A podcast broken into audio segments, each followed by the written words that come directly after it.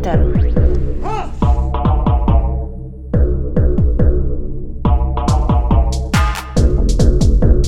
Berätta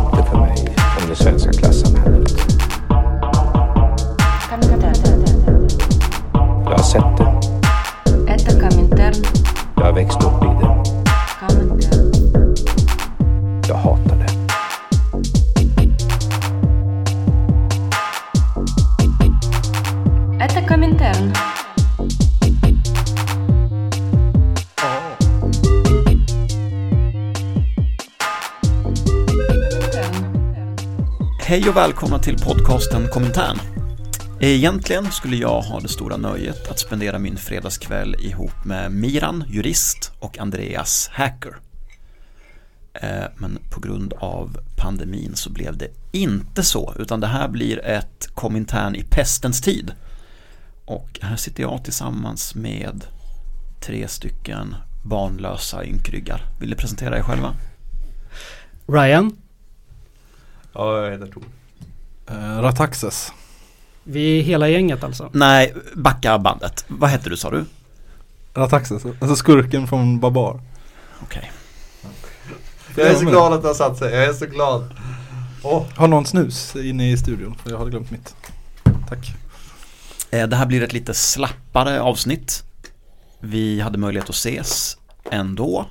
Vi kommer att snacka om vad vi har gjort och tänkt och läst på sista tiden. Mm. Hur mår ni? Har ni? Ni har alla samhällsbärande yrken. Jag mår skit, ska jag säga. Jag, jag, jag mår skit av två orsaker. För det första för att jag måste, alltså det är så jävla mycket på jobbet. Eh, för att få, vi jobbar, jag vet inte med halv bemanning eller något så här. 60% av uh, kollegiet är borta liksom. Eh, så att det är väldigt tungt. Och det andra är att jag på grund av någon märklig ödets nyck, någonting, någon orsak jag inte förstår, måste sitta med en skärm precis framför ansiktet när jag pratar för att annars funkar inte ljudet. Det blir Eko vrålar Ryan argt och slår näven i bordet och tittar hotfullt på mig.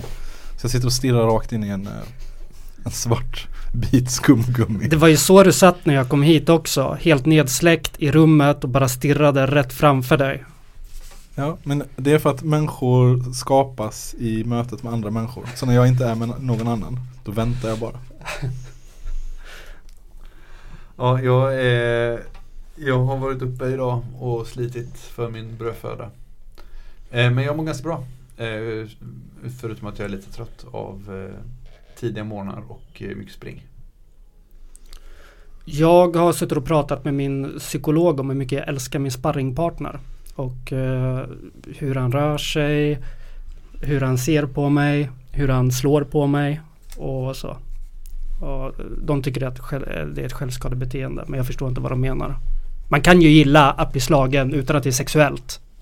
När du säger dem, då talar du om en hel grupp psykologer Jag pratar som om sitter i olika- vita rockar med papper och penna och antecknar vad du säger. Jag pratar med om de minst två psykologer som har sagt samma sak. Nej, självskadebeteende. Fast det är det verkligen Jävla inte. Alltså, glasögonorm alltså. Det är verkligen inte det. Jag förstår precis vad du menar. Ja. Men det finns någon slags avgrundsdjup split i samhället, eller hur? Mellan de som lever ett fruktansvärt tråkigt liv därför att de arbetar hemma, de har jättemånga möten via Zoom eh, och sen oss vars arbetsliv ser ganska likadana ut som de gjorde innan fast de har blivit mycket, mycket värre på grund av hög sjukfrånvaro. Alltså jag eh, försöker jobba så lite som möjligt. Jag pluggar ju samtidigt. Men jag minns ju hur det var i, alltså Förutom att jobba i skola där man har en grupp barn som eh, allt annat än försöker undvika att spotta på en eh, hela tiden och kladda på en och vara sådär barniga runt om en. Så är man ju exponerad de, de timmarna man är där hela jävla tiden alltså. Jag känner mig helt förfrämligad ifrån debatten och tror jag framförallt kulturen. Därför att den handlar så mycket nu om eh, vad människor gör när de inte går till jobbet. Eh, hur folk köper nya bostäder för att de kommer på att de måste ha hemmakontor och sånt där. Hur eh, Netflix slår tittarrekord och sånt. Men det är sånt jävla mys, folk har så mysigt med det och det äcklar mig och det gör mig arg. Men jag tror att de lider också på, på ett annat sätt än vad du gör. Jävla pissigt, pissigt sätt, dåligt sätt de lider. De lider inte på ett riktigt bra sätt. Nej, de lider ju i sin ignorans. Och du vill ju lida passionerat. Brinnande. Ja. Fast okej, om jag ska vara lite, eh, lite mer nyanserad. Alltså, en grej som jag satt och tänkte på häromdagen. Eller det är inte jag som har kommit på det här såklart. Men eh, det, här, eh, det här med att eh, samhället är så atomiserat vi alla är så jävla alienerade och ensamma och ledsna typ, och rädda hela tiden. Eh, och då brukar man ju som, eh, som revolutionär ändå vara så här bara, eh, ja då går man ju runt och hoppas på den stora krisen hela tiden liksom så att det ska, samhällets alla olika eh, funktioner ska kollapsa så vi drivs in i varandras armar. Helt plötsligt så måste varje eh, kock styra och alla måste bli sjukvårdare och eh, jag vet inte, pedagoger och allt vad det kan tänkas behövas i samhället.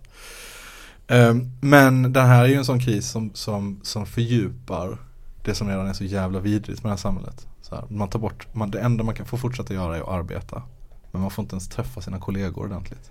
Man får, det, det liksom, allt, allt det som ger en liv och näring här i livet, det ska de försöka ta ifrån en. Det finns en del forskning på det faktiskt. Hur, eh, hur kriser generellt eh, driver folk samman. Men hur sjukdom driver folk isär. Ja.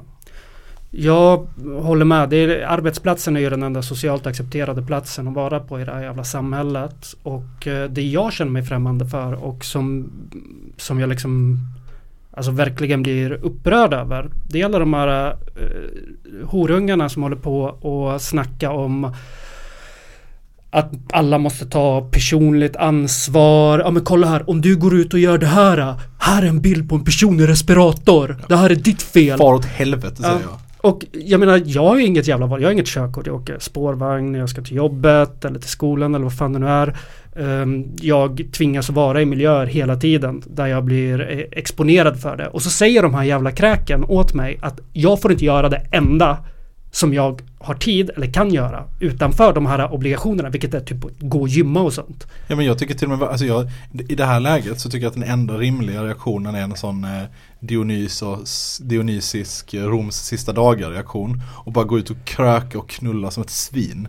Typ så, om jag nu vill gå ut och träffa någon glad mördare och ta amfetamin hela natten, då måste jag få göra det. Alltså om någon försöker ställa sig i vägen för det, Eh, då är det inte min kamrat kan jag säga. Då kan du fara rätt åt helvete, sluta moralisera. Mm.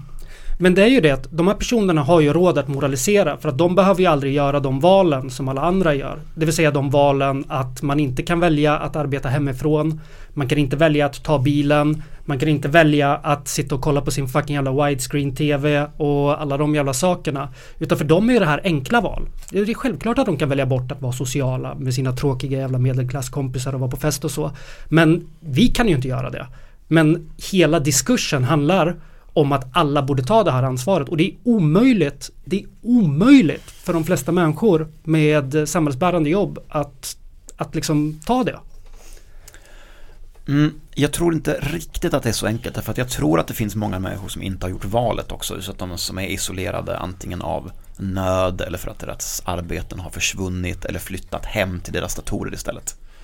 Man förstår ju då att det sticker i ögonen om de på riktigt lider av isolering att någon av oss går och tränar. Samtidigt som det är så otroligt svårt att acceptera att när man har tvingats genom sitt arbete och vara omgiven av människor hela, hela dagen att då inte få göra en aktivitet sen efteråt är ju också olidlig. Men det här är ju den kompromissen som kapitalismen har råd med. Det är att ta ifrån oss det sista fritiden vi har och göra 24 timmar om dygnet i jobb. Det är liksom att vi går hem efter jobbet och så ska vi stänga av oss och ligga raklånga och stirra upp i taket tills vi ska gå upp på morgonen och gå och jobba igen. Och så ska vi hålla oss friska för att kunna hålla det stora jävla maskineriet igång. Jag har en, en vän som uttryckte det att eh, Anders Tegnell kommer få komma och slita skivstången från hans kalla döda händer. Vilket jag tyckte var extremt roligt. Men det gör ju också något intressant på arbetsplatsen. För att jag, jag blir ju liksom lite desperat eller lite märklig av det här liksom. Ehm, så nu har jag, nu har jag liksom, nu börjar jag varje arbetsdag med att gå in och vråla om, eller inte vråla om, men jag, det börjar talas aktivt om strejk. Eh, det, det, man börjar kalla sina kollegor för kamrater. Alltså också för att man umgås så jävla mycket med dem. Det är de enda människor man umgås med. Man orkar inte hålla uppe någon slags eh, kol- kollegial barriär liksom. om man inte får träffa några andra människor så kommer de fan bli tvungna att bli ens vänner liksom. Då får, då får de ju bli det. Ja, Vare sig de vill eller ej. ja precis. Och eh, bara så att vi har det markerat. Alltså det är en pandemi. Det är farligt att vara ute. Jada jada jada. Det är dumt att exponera andra människor. Och Vi har bli- kamrater som jobbar i sjukvården och så vidare och så vidare. Ja, ja precis. Allt, allt det här. Uh, uh, fan, nu kommer jag av mig. Ja, men allt det där är sant, Ja. absolut. Men, men, men fortfarande, alltså jag vet inte, det var, jag läste någon artikel av någon sån eh, italiensk eh, filosof antar jag. Som var så här. Eh, om man, all, alla de här sakerna som, som Ryan precis tog upp är sant. Och då känns det här som ett, liksom, som ett man ligger i krig. Typ. För att det är, det är farligt liksom. Men liksom om krig mot typ terrorism eller knark är så här, har en, en, en svår påtaglig fiende. Så ett krig mot ett virus ännu svårpåtagligare. Mm. Enda sättet att förstå det är att förstå det som ett inbördeskrig. Mm. Alltså, alltså så att Alltså, ja förlåt. Men också att den här pandemin är liksom eh, Jag tror jag var lite inne på det. Alltså att ett virus är ett virus. Det är någonting som gör oss sjuka. Men hur det här viruset sprids oss emellan. Hur det sprids över världen. Vilka som blir sjuka och vilka som dör. Är socialt konstruerat. Socialt och ekonomiskt konstruerat. Det är en, samma människor som lever i prekära förhållanden. Eh, bortom pandemin, utan pandemin, är samma människor som dör utav det, som har eh, vad heter det, bakomliggande orsaker och som tvingas att gå till arbetet. Det vill säga att alla människor som vi tillåter att dö, alla människor som vi tillåter att bli sjuka eller hamna i respirator, blir inte det för att människor inte socialt distanserar sig på fritiden, utan de blir det i första hand för att kapitalismen vägrar kompromissa om sin produktivitet. Mm. Just det. Och då kan jag känna så, tycka lite vad man vill om träning och skivstänger. Men därför så måste det politiska livet fortgå. Du och dina kamrater måste hitta sätt att fortsätta kämpa. Absolut. Lite sån här är stämningen idag hörni. den är tung, den är Ja, ödesmättad. den är tung. Vi skulle sitta här och prata om hacking och snutar och sånt så blir det så här istället. Eh, jag har köpt mitt livs första e-bok. Ooh. Sen efteråt förstod jag att man också behöver en e-boksläsare. Annars ser det bara ut som en ganska ful pdf. Jag har velat ha en sån Kindle svinlänge. Eh, och sen köpte jag något med Risa och sen helt vanlig surfplatta. Det var helt... Alltså en sån läsplatta. Ja men sån som inte lyses upp bakifrån. Ja. Som bara blir som en bok liksom. Den lyses upp lite bakifrån. Men extremt lite. Ja, för annars ser man inte texten. Okej, peta upp glasögonen lite längre på näsan. Lys upp mig bakifrån där. eh, jag har köpt mitt livs första e-bok. Jag köpte Rasmus Landströms Coronateserna. Mm. Klingar namnet bekant? Inte alls. Nej, jag Skribent. tror att det är en sån antisemitisk eh, konspirationsbok. Nej, det är inte Rasmus Paludans eh, bok. Utan en annan Rasmus. Eh, skribent och litteraturkritiker, skriver i Arbetaren emellanåt. Eh, bokens fulla titel är Coronateserna. 52 teser om krisen och hur vi startar om samhället. Eh, Rasmus Landström konstaterar att pandemin, och kanske framför allt krisen som kommer i pandemins spår, kommer att förändra allt. Och det enda som är osäkert är exakt hur. Men vad vi vet definitivt är hur det samhället som pandemin slog ner i är. Och sen så följer en del utläggningar i boken om vilket orättvist samhälle det är. Eller var. Eh, Rasmus Landström skriver att vi är så vana vid det här att vi inte ens uppfattar det absurda i det längre. Det tycker jag är en viktig påminnelse. Så jag tänker läsa några stycken ur den här boken. Och så får ni såga eller hylla. Shoot. I en artikel på DN Debatt skriver Svenskt Näringslivs VD Jan-Olof Jacke om projektet Återstarta Sverige. Han presenterar ett antal förslag för att få näringslivet på fötter efter krisen. Han föreslår sänkt kapitalbeskattning, återinförda karensdagar och statliga satsningar i utbildning. Jag är redan arg alltså. I ett annat stycke skriver han att incitament att investera och ta risk måste stärkas och att man därför behöver sänka kapital och företagsbeskattningen. Jag är rasande nu. Att säga att staten bör stödja risktagande är ungefär som att hävda att spel på hästar eller rysk roulette är en viktig bidragsgivare till ekonomin. Kan han få spela rysk roulette? Folk är naturligtvis fria att ta vilka risker de vill, men varför ska staten stödja det? Samtidigt tycker Jacke att nit och sparsamhet ska råda för vanligt folk. De tillfälliga förändringarna av a-kassan och karensdagen som genomförts under den akuta krisen behöver återställas, skriver han. Arbetarklassen ska tuktas och den ägande klassen ska ges utrymme att spekulera medan våra skattepengar täcker förlusterna. Men det här är ju ett gyllene jävla tillfälle. Alltså det samtidigt som Alltså kapitalismen har ju inte varit i kris överhuvudtaget under den här pandemin. Kapitalismen alla dörrar som har varit stängda innan är helt plötsligt vidöppna för möjligheter. Det handlar om pengar som man kan få ifrån staten som stöd och det handlar också om att hela diskursen ägs utav högern. De kan föreslå det här, de kan fylla våra medier med eh, krav på sänkta bolagsskatter etc. etc. Vi måste, och de har världens bästa skäl till det. Det handlar inte längre om att man måste eh, stimulera ekonomin utan det handlar om att återställa och skapa ett normaltillstånd så som vi mindes det innan. Och jag menar vad fan, det är klart de kommer göra det. Men, men det finns någonting som är lite märkligt i, alltså man, men nu har vi ju Alltså coronakrisen är i full sving och så väntar man liksom lite på att den andra eh, The other shoe to drop, jag vet inte riktigt om man ska översätta till svenska eh, Liksom den andra kängan i nacken eh, Där den här den ekonomiska krisen eh, kommer eftersom det verkar ju, det, så måste det ju bli eftersom det konsumeras mindre och folk, ja bla bla bla. Det blir en så 14-15% arbetslöshet. Ja, precis. Men, men eh, har vi bara bestämt oss för att vi ska låtsas som att det inte händer eller? För att det är ju, in, alltså det är ju eh, och också att det typ inte riktigt händer i den takten som man hade förväntat sig. Alltså det finns någonting i den här dynamiken som inte riktigt är tydlig än. Antingen så är det jag som är för otålig. Men, men du vet, typ så, den amerikanska vänstern har ju hetsat över att snart blir 10% hemlösa i den här nationen ett tag nu. Alltså, fattar ni vad jag menar? Det finns både så, både känns det helt och hållet så, det, det kommer ju komma. Men å andra sidan så ser jag liksom inga tecken på det. Hänger ni med på vad jag menar? Det känns som att hela samhället är ur led med vad, man, med vad som verkar så fruktansvärt eh, självklart för mig. Du vill bara att det ska gå från mjukisbyx-apokalyps till brinnande bildäcksbarrikads-apokalyps till så rakt av Mad Marks-apokalyps. Typ nu, den här veckan. Uh, the Road. Ja, alltså jag tror bara att det är osynligt. Alltså det tog, eh, tog fan hundra år för folk att fatta vad som hände under franska revolutionen. Det är liksom när saker händer, när vi upplever det så känns det aldrig som när vi tittar tillbaka på det. Vi kommer inte kunna se det som en sammanhängande händelse. Utan det kommer vara långsamt eh, utveckla, eller eh, vad heter det? det? det? kommer kräva eh, retrospektion eller vad fan det nu heter liksom.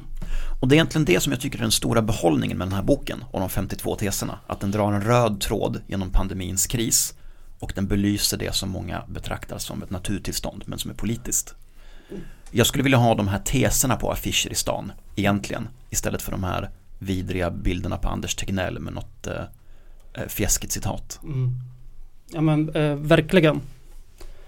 Eh, men jag tänker på det också att de, alltså kapitalet är ju på frammarsch. De är det, eh, jag vet inte, alltså USA känns ju som det extrema extre, extremiteternas land heter det inte. Utan mm. extremiteter något annat. Men jag tycker ändå att det kan vara lite fingervisande. Sverige har ju varit eh, eh nära det också. Och det handlar ju om eh, hjälppaket. Hur man ska omfördela resurserna i samhället. Och det gör man genom att injicera pengar i näringslivet. Och det man har sett när de här olika injektionerna sker är ju inte att de används till att eh, um, hålla sin business igång, till att hålla anställda kvar. Ett exempel är ju när de gav något gigantiskt på 300 miljoner dollar eller någonting till Boeing. De sparkade alla sina medarbetare eller sina anställda ändå två månader senare. Och som vi vet med de företagen är ju också att de går in och köper aktier av sig själva för att eh, blåsa upp eh, sitt värde under krisen ett värde som kommer att krascha förr eller senare. Då, då. Samtidigt som alla aktiepengar har delats ut. Och, mm. Kanske det som gör mig eh, lite förvirrad eller eh, illa till mods med den här situationen är helt enkelt ett, eh, ett symptom eller något sånt på av hur långt frikopplad den finansiella sektorn är från den liksom reella ekonomin. Um, och hur långt ifrån hur långt från verkligheten typ aktiemarknader och den sortens eh, liksom ekonomiska indikationer indikatorer är ifrån eh, hur folk lever sina liv dag till dag.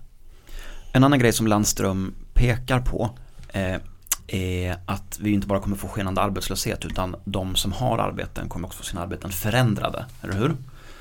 Om jag minns rätt så säger han att de senaste 20 åren så har antalet gigjobbare, alltså sådana extremt tillfälligt anställda, de har ökat med 800% i Sverige. Och det är under en 20-period där vi har haft i snitt, tror jag att det är 5-6% arbetslöshet. Vad tror, ni att, vad tror ni kommer hända när vi går in i en period med 15% arbetslöshet istället? Det man har sett i USA nu till exempel så har det just varit en omröstning i Kalifornien. Jag vet inte om ni har följt det. Prop 22. Som ehm, ehm, jag pratade med en kamrat om det. Det är tydligen så här att eh, det fanns en, vad heter det när en domstol kan vara visande för, eh, som man kan säga, Prejudikat. Ett prejudikat. Där en chaufför hade vunnit mot eh, Uber eller någonting om att man skulle kunna få rättigheter, någon slags form av förmån utav företaget och så, eller klassas som anställd. Då gick de här stora jävla gigföretagen ut och eh, betalade förmodligen eh, eh, lagstiftare pengar och presenterade ett förslag, alltså stödde deras kampanjer och sånt. Där eh, man skulle hålla en omröstning om det. Eh, ifall gigarbete helt enkelt ska vara då, vad, kallar man, vad, vad kallas det? Eh, egenanställda eh, personer eller om typ Uber och de ska vara eh, arbets eh, arbetsköpare. Liksom. Det. Och det vill de ju såklart inte för det innebär även i ett sånt land som USA ett visst ansvar över anställda. Precis, det innebär ett visst ansvar över de anställda. Och det som hände var ju att det här valet, eller att eh, de sprutade ut pengar i kampanjer. Och eh, Prop 22 röstades igenom med ett till fördel för de här gigföretagen. Och de lyckades också instifta i den här lagen att det ska krävas typ tre fjärdedelars majoritet för att kunna förändra den. Eh, Så att om man vill montera ner lagen så krävs det alltså, alltså vilket är omöjligt, det är väl ingen jävla lagstiftare där borta som ändå vill göra det liksom. Eh, De vill inte, men det är i alla fall en bild av vad som kan hända. Jag tar ett utdrag till. I väldigt många länder beror den skenande ojämlikheten på att lönerna har stagnerat.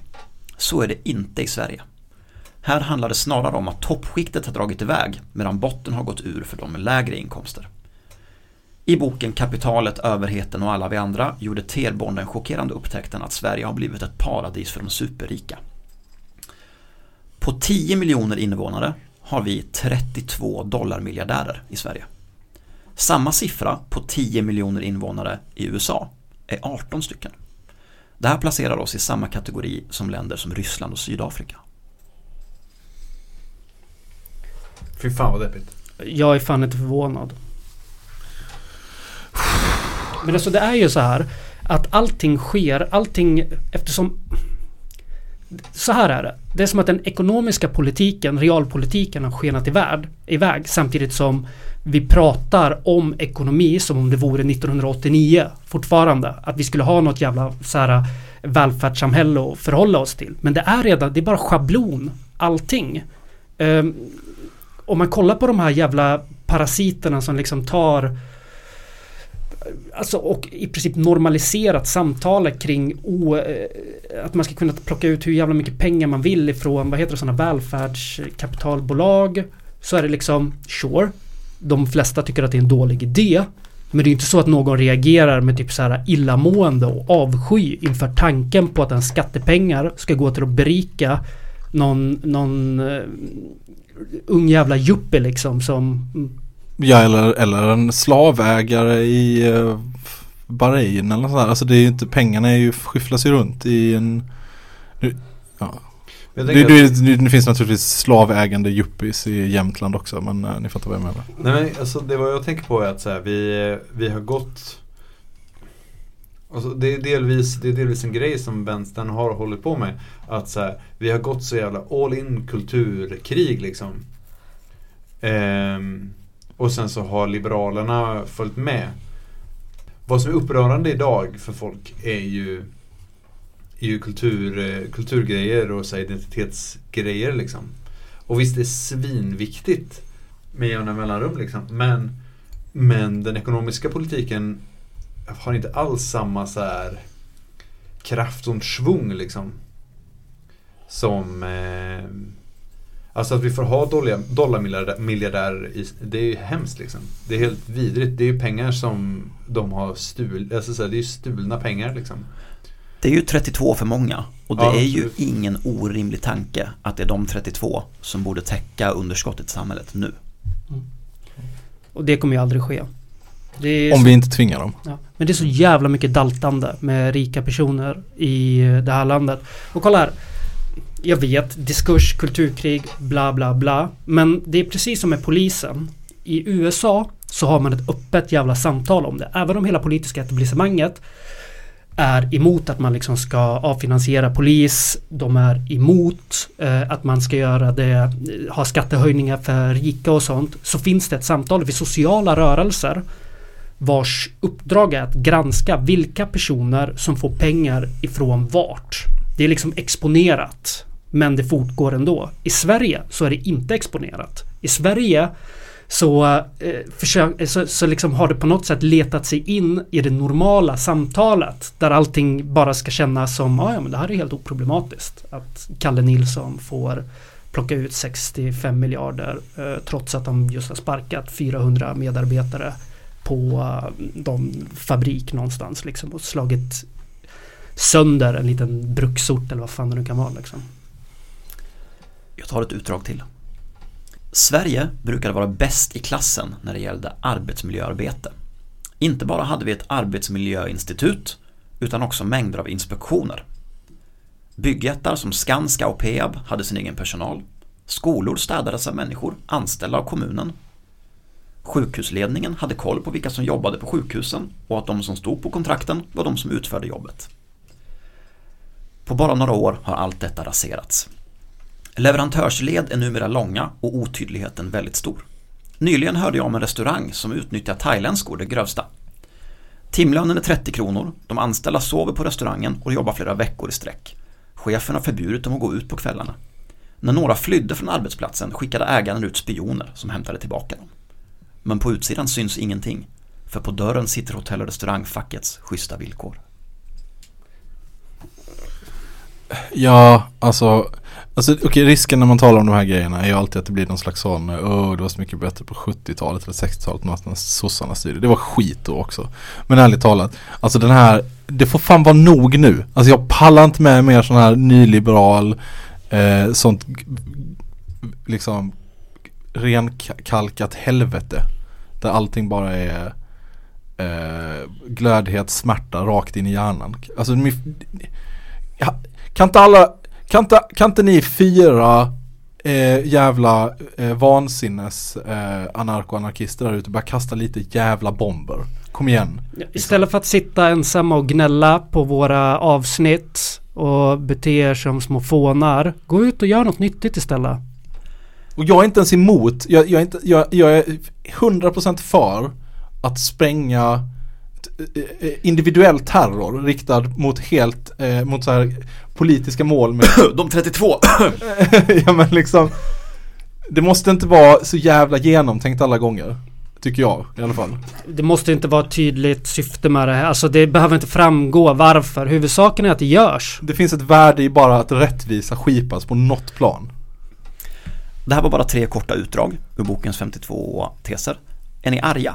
Ja, jättearg. Mm. Visst fungerar det ganska bra som påminnelser om att det som, samhälle som vi har sett som det naturliga inte är det, utan att det är politiskt. Ja, Absolut.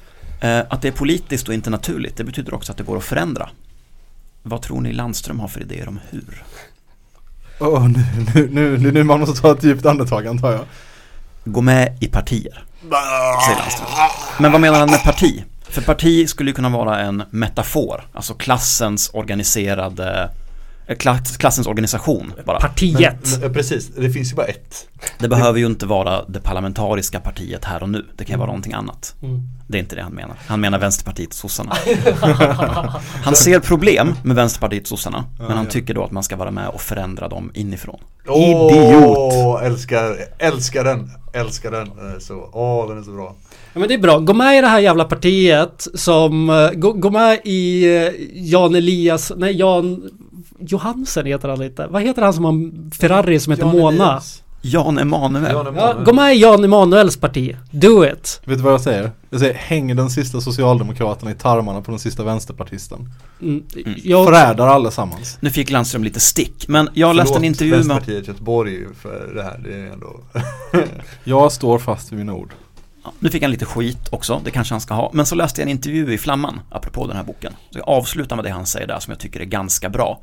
Och så kan ni bara låtsas som att ni inte vet att han menar Socialdemokraterna. Det finns en strömning inom vänstern idag som under väldigt lång tid har propagerat för den spontana protesten som den ultimata politiska formen. Men om det är någonting jag vill banka in så är det att det inte finns några genvägar inom politiken som kan ersätta det långsamma uppbyggande organisationsarbetet. Om det är någonting vi behöver inom arbetarrörelsen idag så är det fler personer som är beredda att göra det.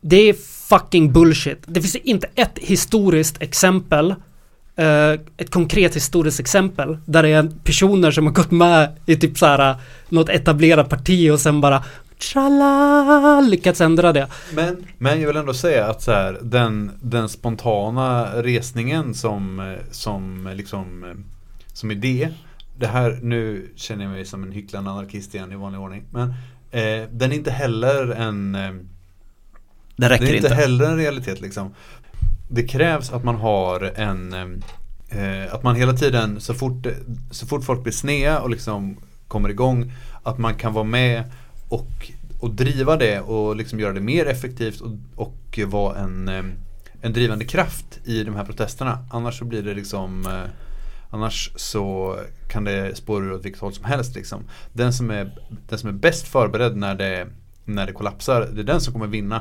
Och man blir bäst förberedd genom att vara, genom att göra.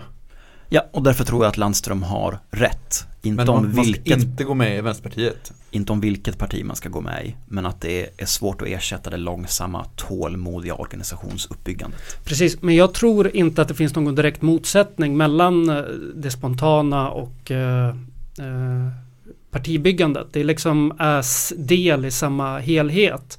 Det handlar om att lyckas fånga upp det spontana och att kunna rikta det i någon konstruktiv eh, riktning.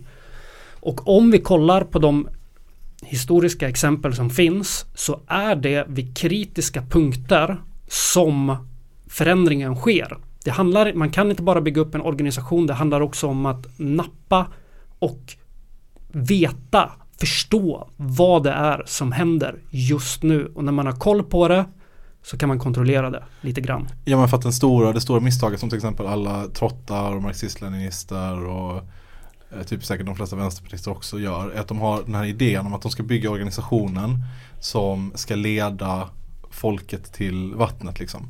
Men vad de inte förstår är att eh, liksom arbetarklassens eh, eh, så här naturliga impuls till uppror och, och frigörelse den går i ebb och flod liksom. Och det är, finns ingen vänsterorganisation som kan rå på den kraften. Det är liksom motorn i hela jävla historien.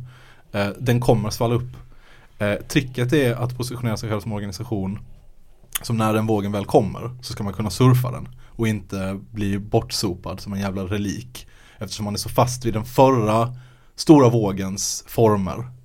Eh, så att eh, man, det är liksom, man kan inte gå runt och vara så jävla mallig och tro att man kan dela ut sig så många jävla proletärentidningar och så bygger man någon slags massa. Det gör man inte.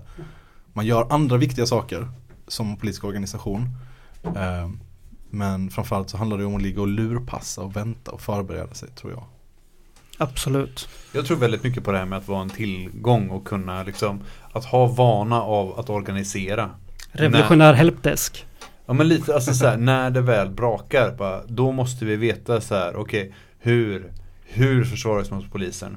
Hur vårdar vi de som har skadats? Hur gör vi alla de här sakerna? Hur ser vi till att folk har mat? Hur ser vi till att folk har liksom mötesplatser? Hur, hur löser vi alla de här grejerna? Och det är där man kan göra en jättestor skillnad.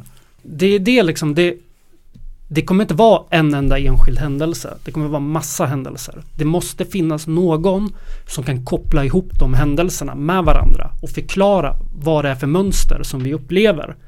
Är det en ekonomisk krasch nu och så är den om fyra år igen innan vi ens hunnit återhämta oss. Då gäller det att påminna att det är exakt samma krafter, exakt samma strukturer som ligger bakom allting och exakt samma personer. Jag håller med er och jag tycker att det här är ovanligt kärnfullt formulerat. Det existerar ingen absolut riktig oföränderlig organisationsform.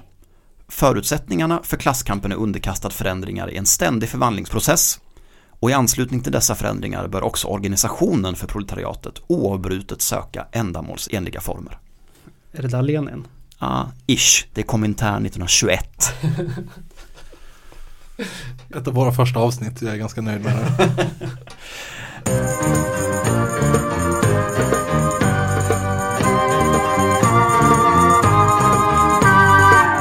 Sedan Obama blev president så är det här den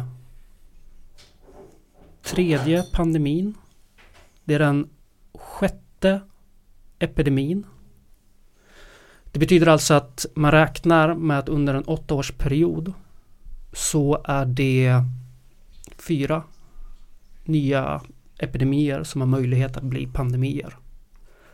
Jorden, medel, jordens medelvärme har gått upp cirka 0,8 grader sedan eh, förindustriell tid.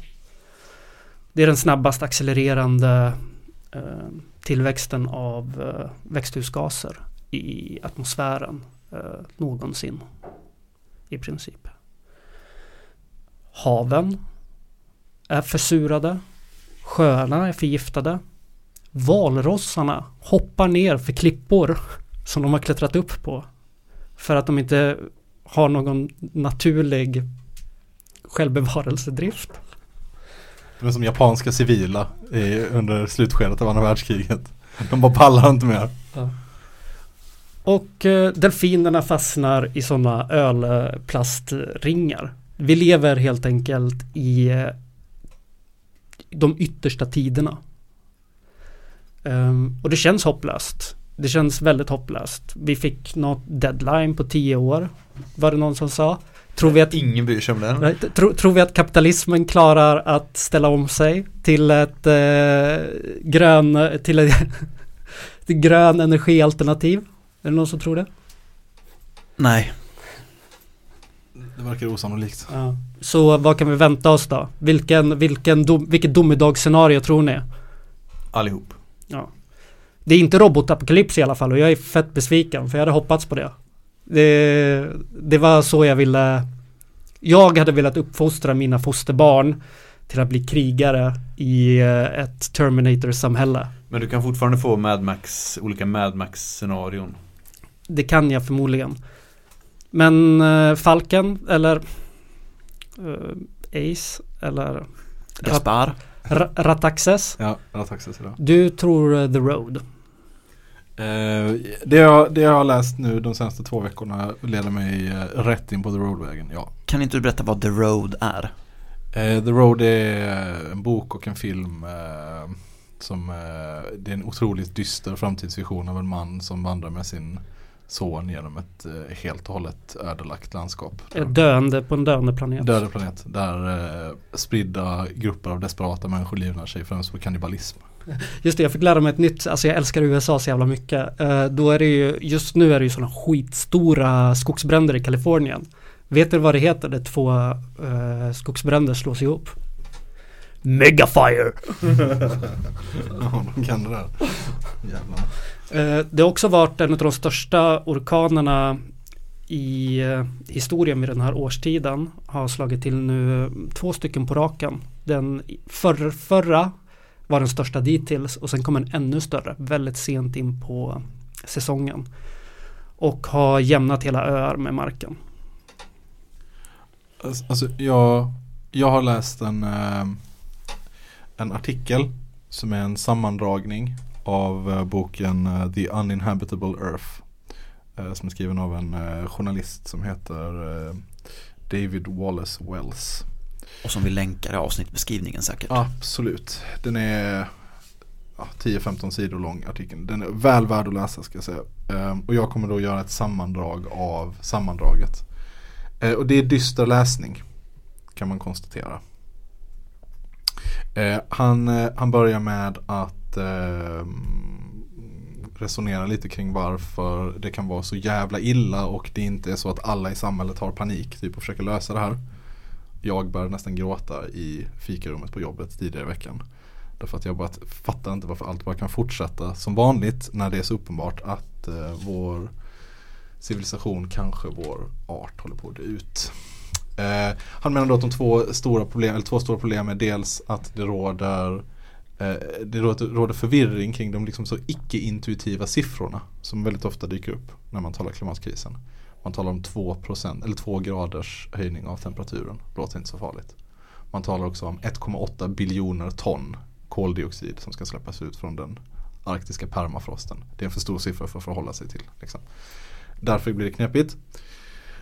Och sen talar han också om att det under många, många år har rått eh, Eh, vad han kallar för vetenskaplig förtegenhet kring det här. Det vill säga att vet, vetenskapspersoner eh, som har jobbat med det här drar sig för att eh, faktiskt berätta vad de kommer fram till därför att de å ena sidan blir väldigt hårt ansatta av högre psykopater och klimatförnekare.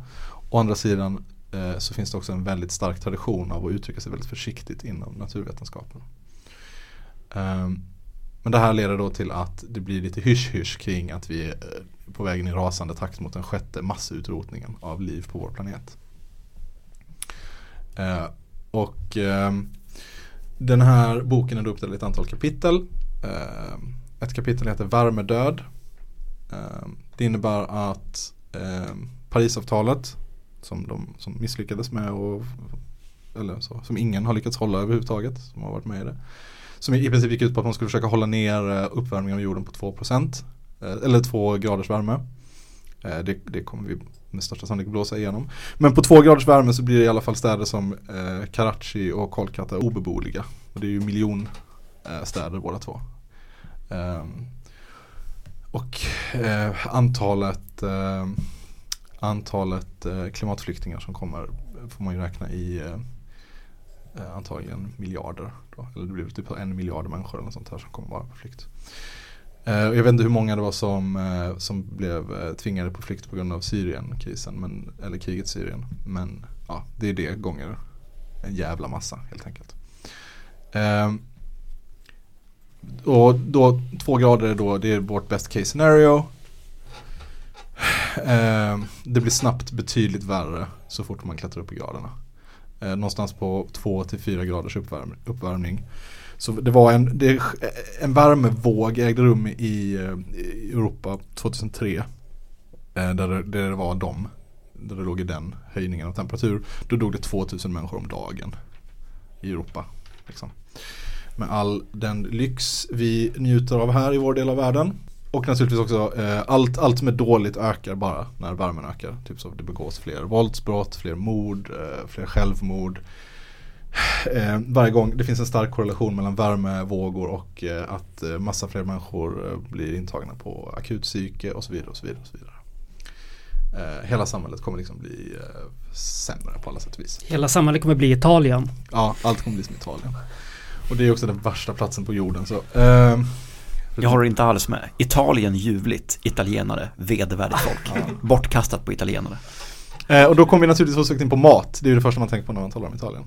Eh, idag så är ungefär 800 miljoner människor undernärda på jorden. Eh, 20 miljoner människor ungefär svalt till döds 2017. Eh, för varje grad som temperaturen ökar så minskar produktionen av spannmål med någonstans mellan 10 till 17 procent Eh, Eh, det betyder då alltså i bästa fall, eh, best case scenario här, så kommer, så kommer spannmålsproduktionen av, i världen minska med 20% inom de närmaste, jag vet inte vad fan de räknar med, 20, 30, kanske 40 åren. Eh, vad är 20% av eh, 20 miljoner? Det är en avsevärd mängd människor, betydligt fler än vad man hade önskat.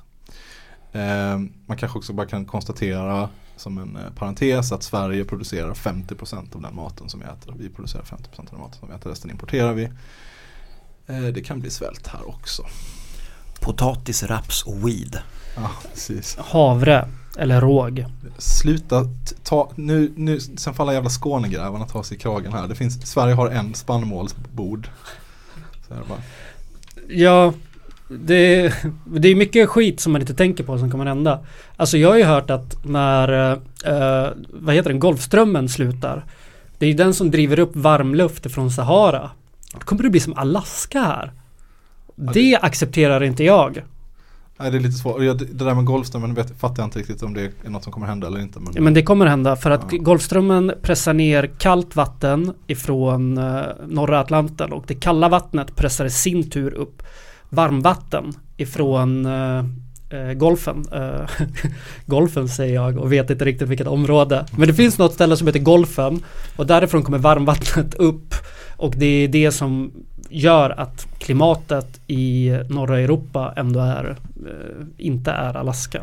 Är golfen samma sak som gulfen? Är det lite som ost och öst? Nej men det finns olika gulfar.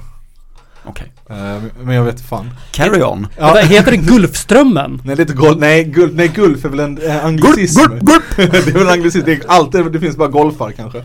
Okej, skitsamma. Eh, nej, svält, jajamän. Eh, nu är jag extrem, extremely on topic här. Pest. Eh, Alltså sjukdom. ja, eh, de har, det dyker upp eh, diverse olika bakterier i den smältande isen. Eh, 2016 så blev, eh, så dog en person, 20 blev smittade och tusentals renar dog av att eh, någon märklig antrax eh, bakterie, eller vad fan, en antraxvirus eller någonting Alltså mjältbrand. Ja, eh, tinade upp som har legat där i 75 år. Okej, det behöver ingen oroa sig för, det är väl ingenting. Men eh, det är också så att både spanska sjukan och böldpest och smittkoppor har påträffats. Ja, sluta frysa in sjukdomar. Jag har ju sagt det. Det som göms i snö. ja, ja, det är extremt provocerande. Eh, sen så kan man ju också konstatera att eh, eh, sjukdomar eh, som malaria till exempel kommer vara eh, vanliga i Sydeuropa inom en inte alltför Var det inte så på 1400-talet att det var malaria i England? Ja, Det är jag rätt säker på. Det finns eh, alltså att det var, fanns malariamygg och att det är rätt så här nytt sen lilla istiden eller vad fan det nu heter som eh, inträffade någon gång på 1700-talet. Eller 1600-talet, minns inte. Eh, press- 1600-talet. Ja, eh, pressade bort eh, malariamyggen. Men det är väl bara att säga hej igen. Eh, hej till malariamyggen, hej till eh, dödligare luft. Som det är idag så dör 10 000 människor ungefär varje år av avgaser.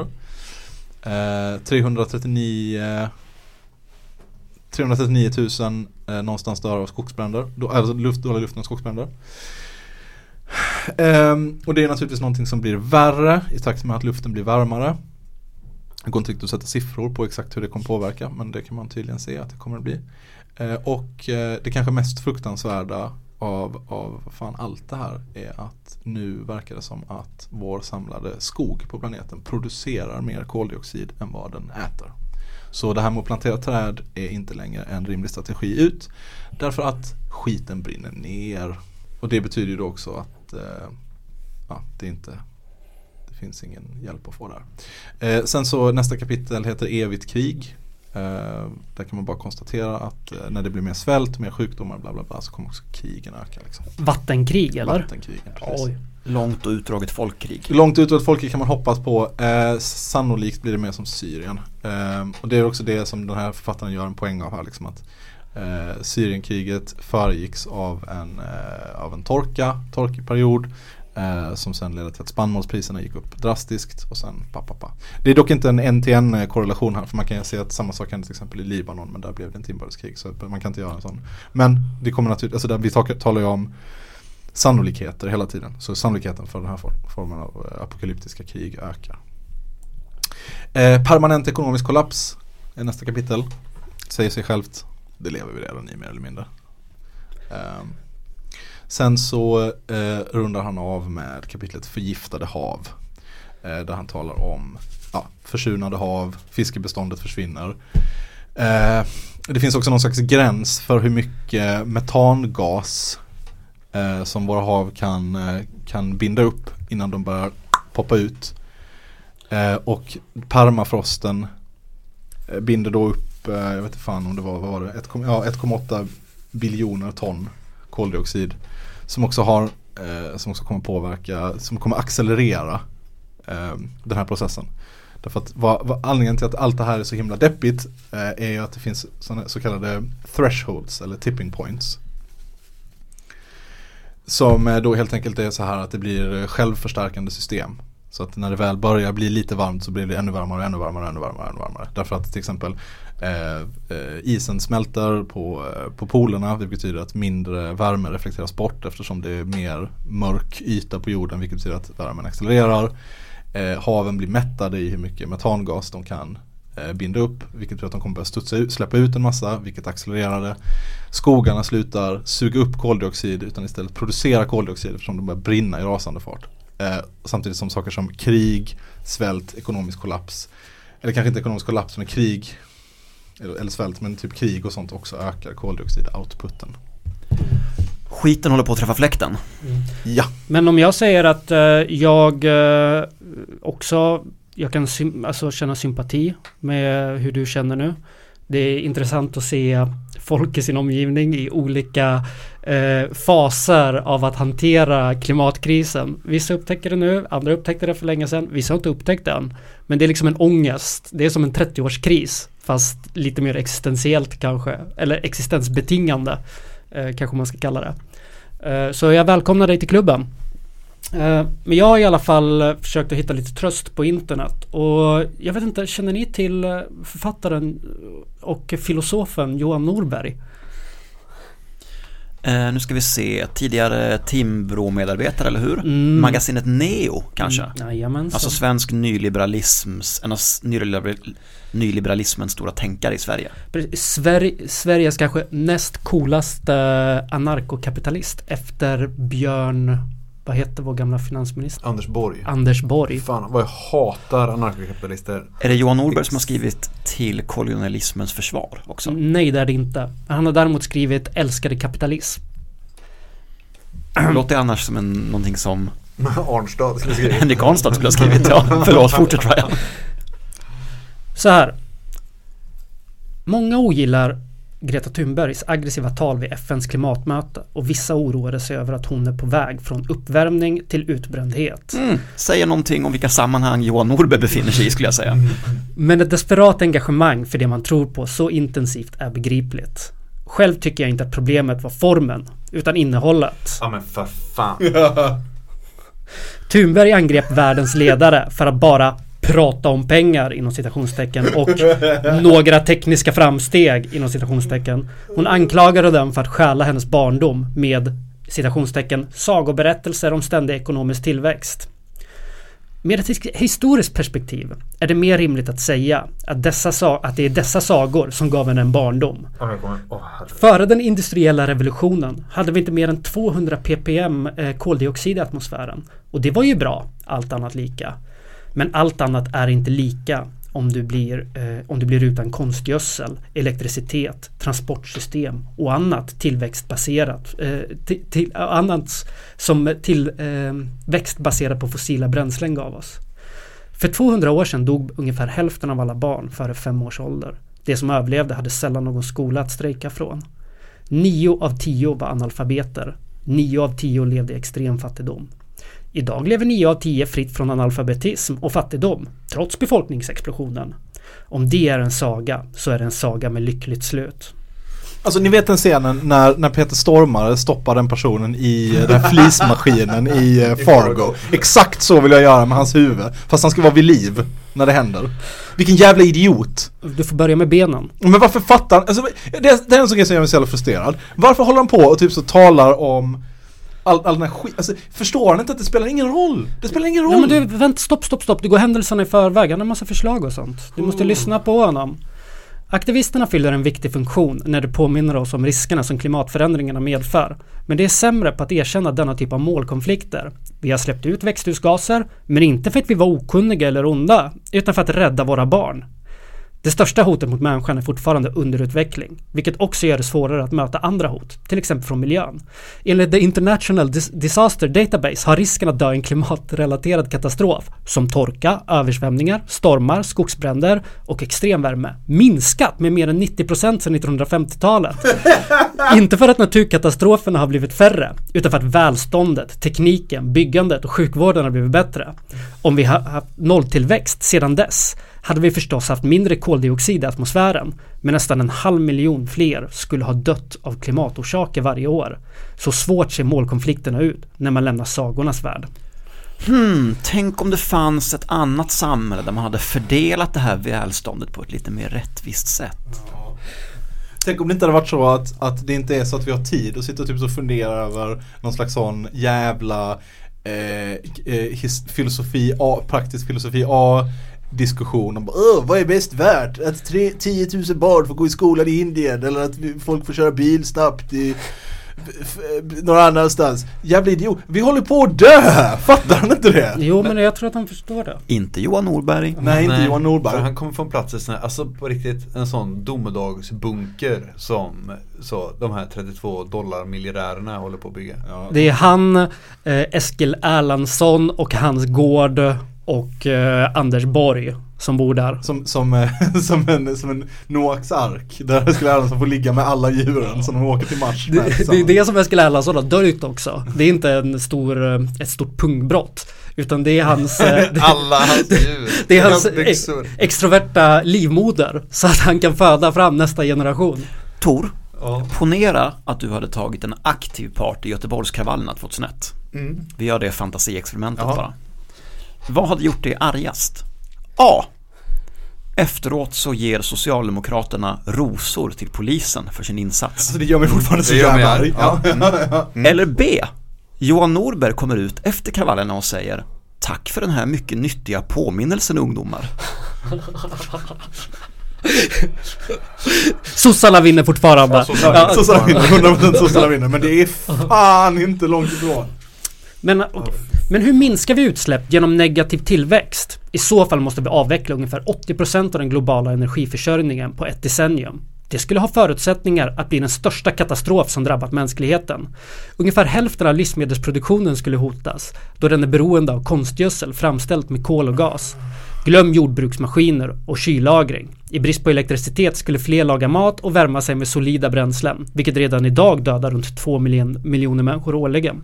Ännu fler skulle dö när vårdkliniker förlorar belysning, medicintekniken och möjligheten att kyla vaccin och mediciner.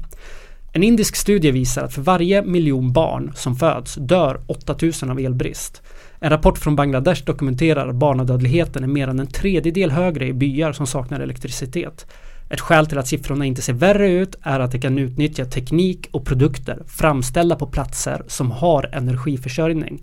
Men i en värld av energisvält skulle hela världens produktions-, handels och transportsystem störta samman. Men, Men- men alltså förlåt, men alltså han är verkligen den vuxna versionen av en 14-årig kille som heter Karl.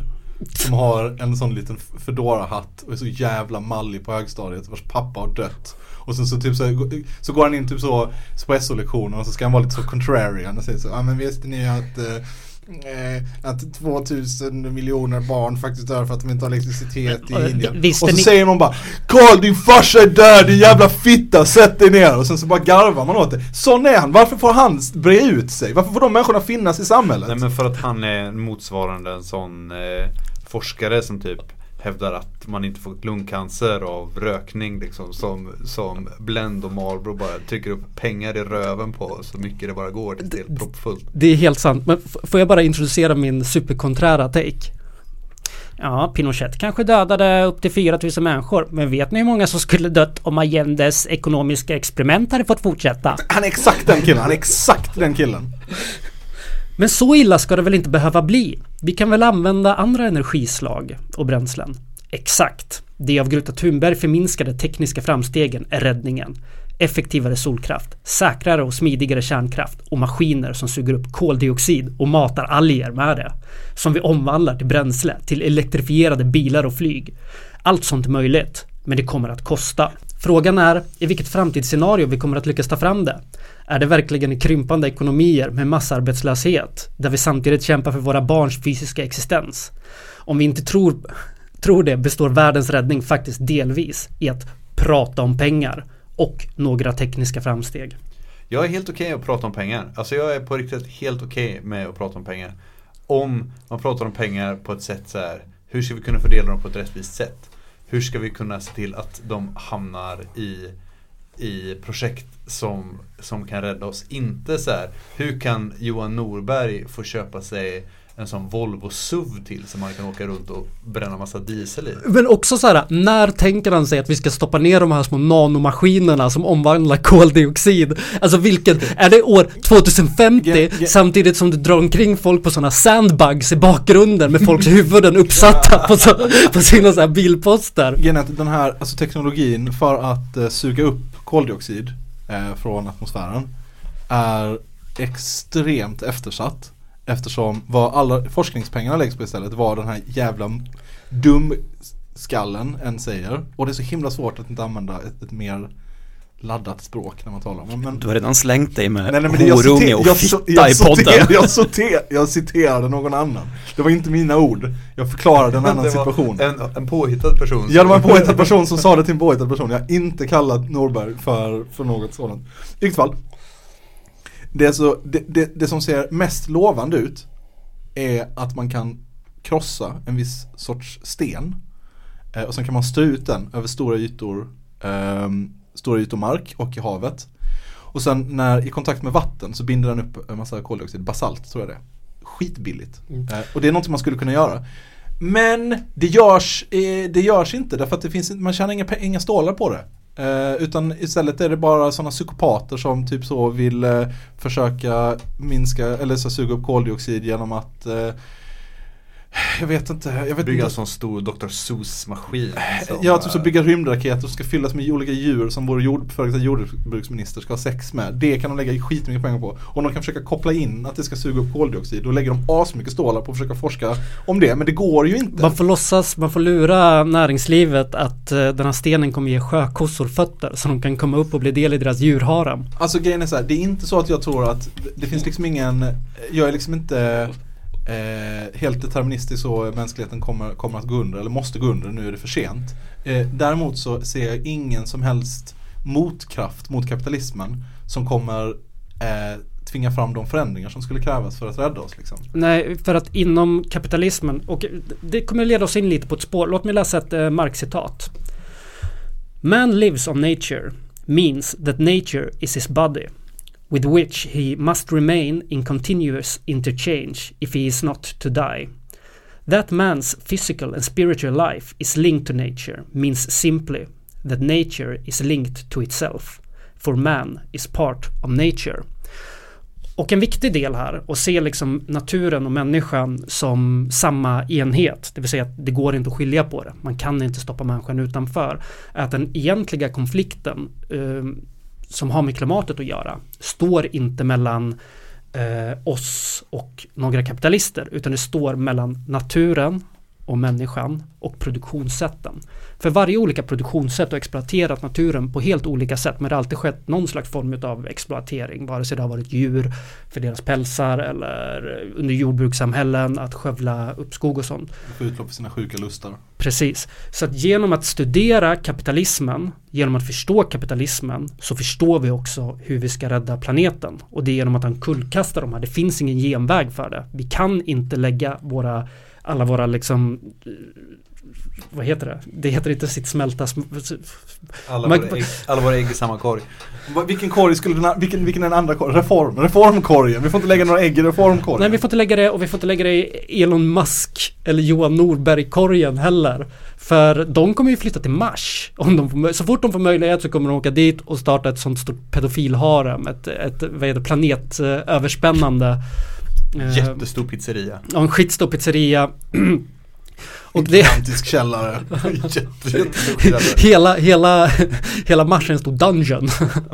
Men jag, Nej, nej men liksom eh, Det är liksom Vi går inte Det är eh, Vad är det man säger att varje produktionssätt har sin egen ekologi. Och ekologin som vi har nu är baserad på överproduktion och exploatering. Gränslös exploatering. Och vad heter det, inte kumulativ men expo- exponentiell eh, growth hela tiden. Jag tänkte på det förut när de pratade om hotet från naturen. Att det är som att Johan Norberg tror att det kommer komma så här blåbärsris i, i munkjackor och prasselbyxor med kniv och som becknarväska och råna honom på hans klocka och slå honom och kissa på honom. Alltså det större är att jag önskar att världen var, ibland önskar jag att världen var mer som sådana jävla tokliberaler trodde. Att det faktiskt på riktigt kunde dyka upp, eh, ja men typ så, en räv i prasselbyxa och bara bita honom i skrenet. Alltså jag önskar ju att vi levde i en värld där allting de sa kunde hända. Det kommer ju aldrig ske. Det kommer ju inte komma ut någon med någon magisk nanoteknologi imorgon och rädda oss. Det, vi, det, det, alltså hela den här äh, att, att bygga upp ett argument först och främst historiskt där man låtsas att det antingen är kapitalismen eller ingenting. Eller att vi hade levt som på stenåldern. Det är samma sak ifall han kollar på eh, kapitalism, eh, när man kollar på kapitalismen och primitiv ackumulation. Hur man lägger beslag på naturen och på naturresurserna genom att bara roffa åt sig, lämna alla, mm, alla människor blir offer för att vara tvungna att börja sälja sin eh, arbetskraft, eh, vilket skett i eh, under koloniala, alltså även i Europa, men senare i koloniala samhällen. Där så är ju eh, Johan Norbergs eh, historieskrivning att eh, kolla på de här fattiga länderna som kapitalismen har hjälpt upp. Det är inte kolla på de här länderna som fick alla sina resurser, institutioner, eh, kulturer och produktionssätt sönderslagna av kapitalismen, blev massmördade, egendomslösa och nu tvingas leva i ett kapitalistiskt samhälle och har fått det något bättre. Det existerar inte. Och det är samma sak när han pratar om den mer övergripande historien. Helt enkelt att om inte kapitalismen hade varit här och tagit oss till någon viss punkt, alltså till den punkten vi är på idag, vilket är en katastrofpunkt, eh, så hade vi bara levt i något så här globalt medeltidssamhälle. Men, eh, det känns som att han tror att det här varit eh, hyperborea. Ja, Att det hade varit så här, det kommer komma elaka personer med jättekola hjälmar och stora svärd. Döda hela vår by, bränna upp alltihop, ta som slavar. Och sen så hade man fått liksom snurra på ett jätte, jätte, jättestort hjul. Tills man Mitt- var enorm. Men, men det är, alltså när jag tänker på det egentligen så är det en mycket, mycket coolare fram, eller alltså ja det är The coolare. Road, Det- det- The Road är egentligen fel vision att ha. Vad fan heter den filmen där eh, Nicolas Cage får sin familj kidnappad och mördad typ. Eh, och sen så smider han ett svinstort svärd eller en yxa. Mandy. Tar asmycket LSD och sen bara går på sån rampage och dödar massa kultister. Det är ju egentligen den coolaste Fan vad bra den filmen är alltså. Ja. Helvete vad Jävla den jävla bra alltså, shit. Uff. Skit, han, visst är det en yxa han gör? Som Ja, är, han gör en stor jävla Den yxa. grymma yxan Ja. liksom. Så Och sen så stoppar han i sig eh, Så ett kilo eh, helvetes amfetamin och, Och den eh, scenen syra. när hans pupiller utvidgas, man ser sådana helvetiska eldar som brinner överallt och sen så sitter en sån, eh, sitter en sån, eh, en sån, eh, vad heter det? Eh, Cenobit typ, som en sån, en sån hel- demonvarelse och kollar på porr och har sån stålkuk. Eh, och bara tar en näve sånt där demon-LSD och käkar och precis så knullat ihjäl två gamla människor med det här. Alltså det är så jävla fett. Ja, det var, Att det, det är att föredra framför samhället vi lever i nu. Mycket hellre det. Känns det här som ett bra avslut på den här eh, eh, på det här avsnittet? Det här var Komintern i pestens tid. Om två veckor sitter vi här ihop med Andreas och Miran och spelar in ett ordinarie avsnitt. Det femte för säsongen tror jag. tack GRK för ljudet. Och tack till mina kamrater här. Ja, vi tycker jättemycket om när man hör av sig. Vi finns på Instagram, vi finns på Facebook och vi har en mail. kominternpodd gmail.com Sprid till era vänner, era mammor, pappor, vem det nu var. Jättemycket boomer-lyssnare på sista så att eh, sprid till era mammor och pappor. Mm. Det. Det blev ett lite deppigt avsnitt idag. Mm. Men jag tänker att de som lyssnar ska komma ihåg att eh, precis som att vi som samhälle bara måste spränga oss ur kapitalets logik så har du och dina kamrater bara era bojor att förlora.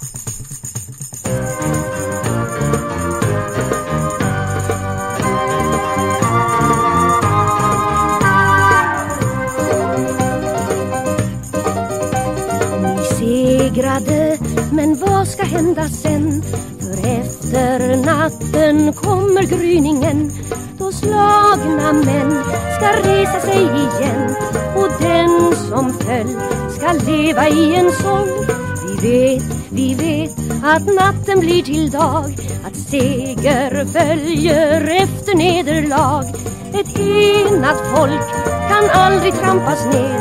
Vår motståndskamp ska samla fler och fler och fler och herrarna får vika när vi vet att inget kan stå mot vår enighet. Så svara, herrar, vem har plöjt er jord? Vem bryter koppan fram ur era berg? El pueblo unido jamás será vencido. El pueblo unido jamás será vencido.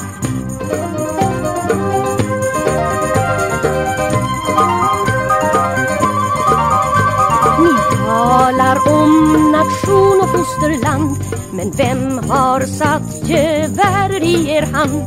Er rätt, er tro, er ordning och er lag. De köptes av ett USA-bolag. Men hur vårt nederlag ska växa då en kunskap som ni aldrig kan förstå. Ett enat folk kan aldrig trampas ner. Vår motståndskamp ska samla alla folk mot er och herrarna. Går rika när vi vet att ingen kan stå mot vår enighet. Och obetvingligt bryter ropen fram från Chile, Guinea Camboya o Vietnam, el pueblo unido jamás será vencido, el pueblo unido jamás será vencido.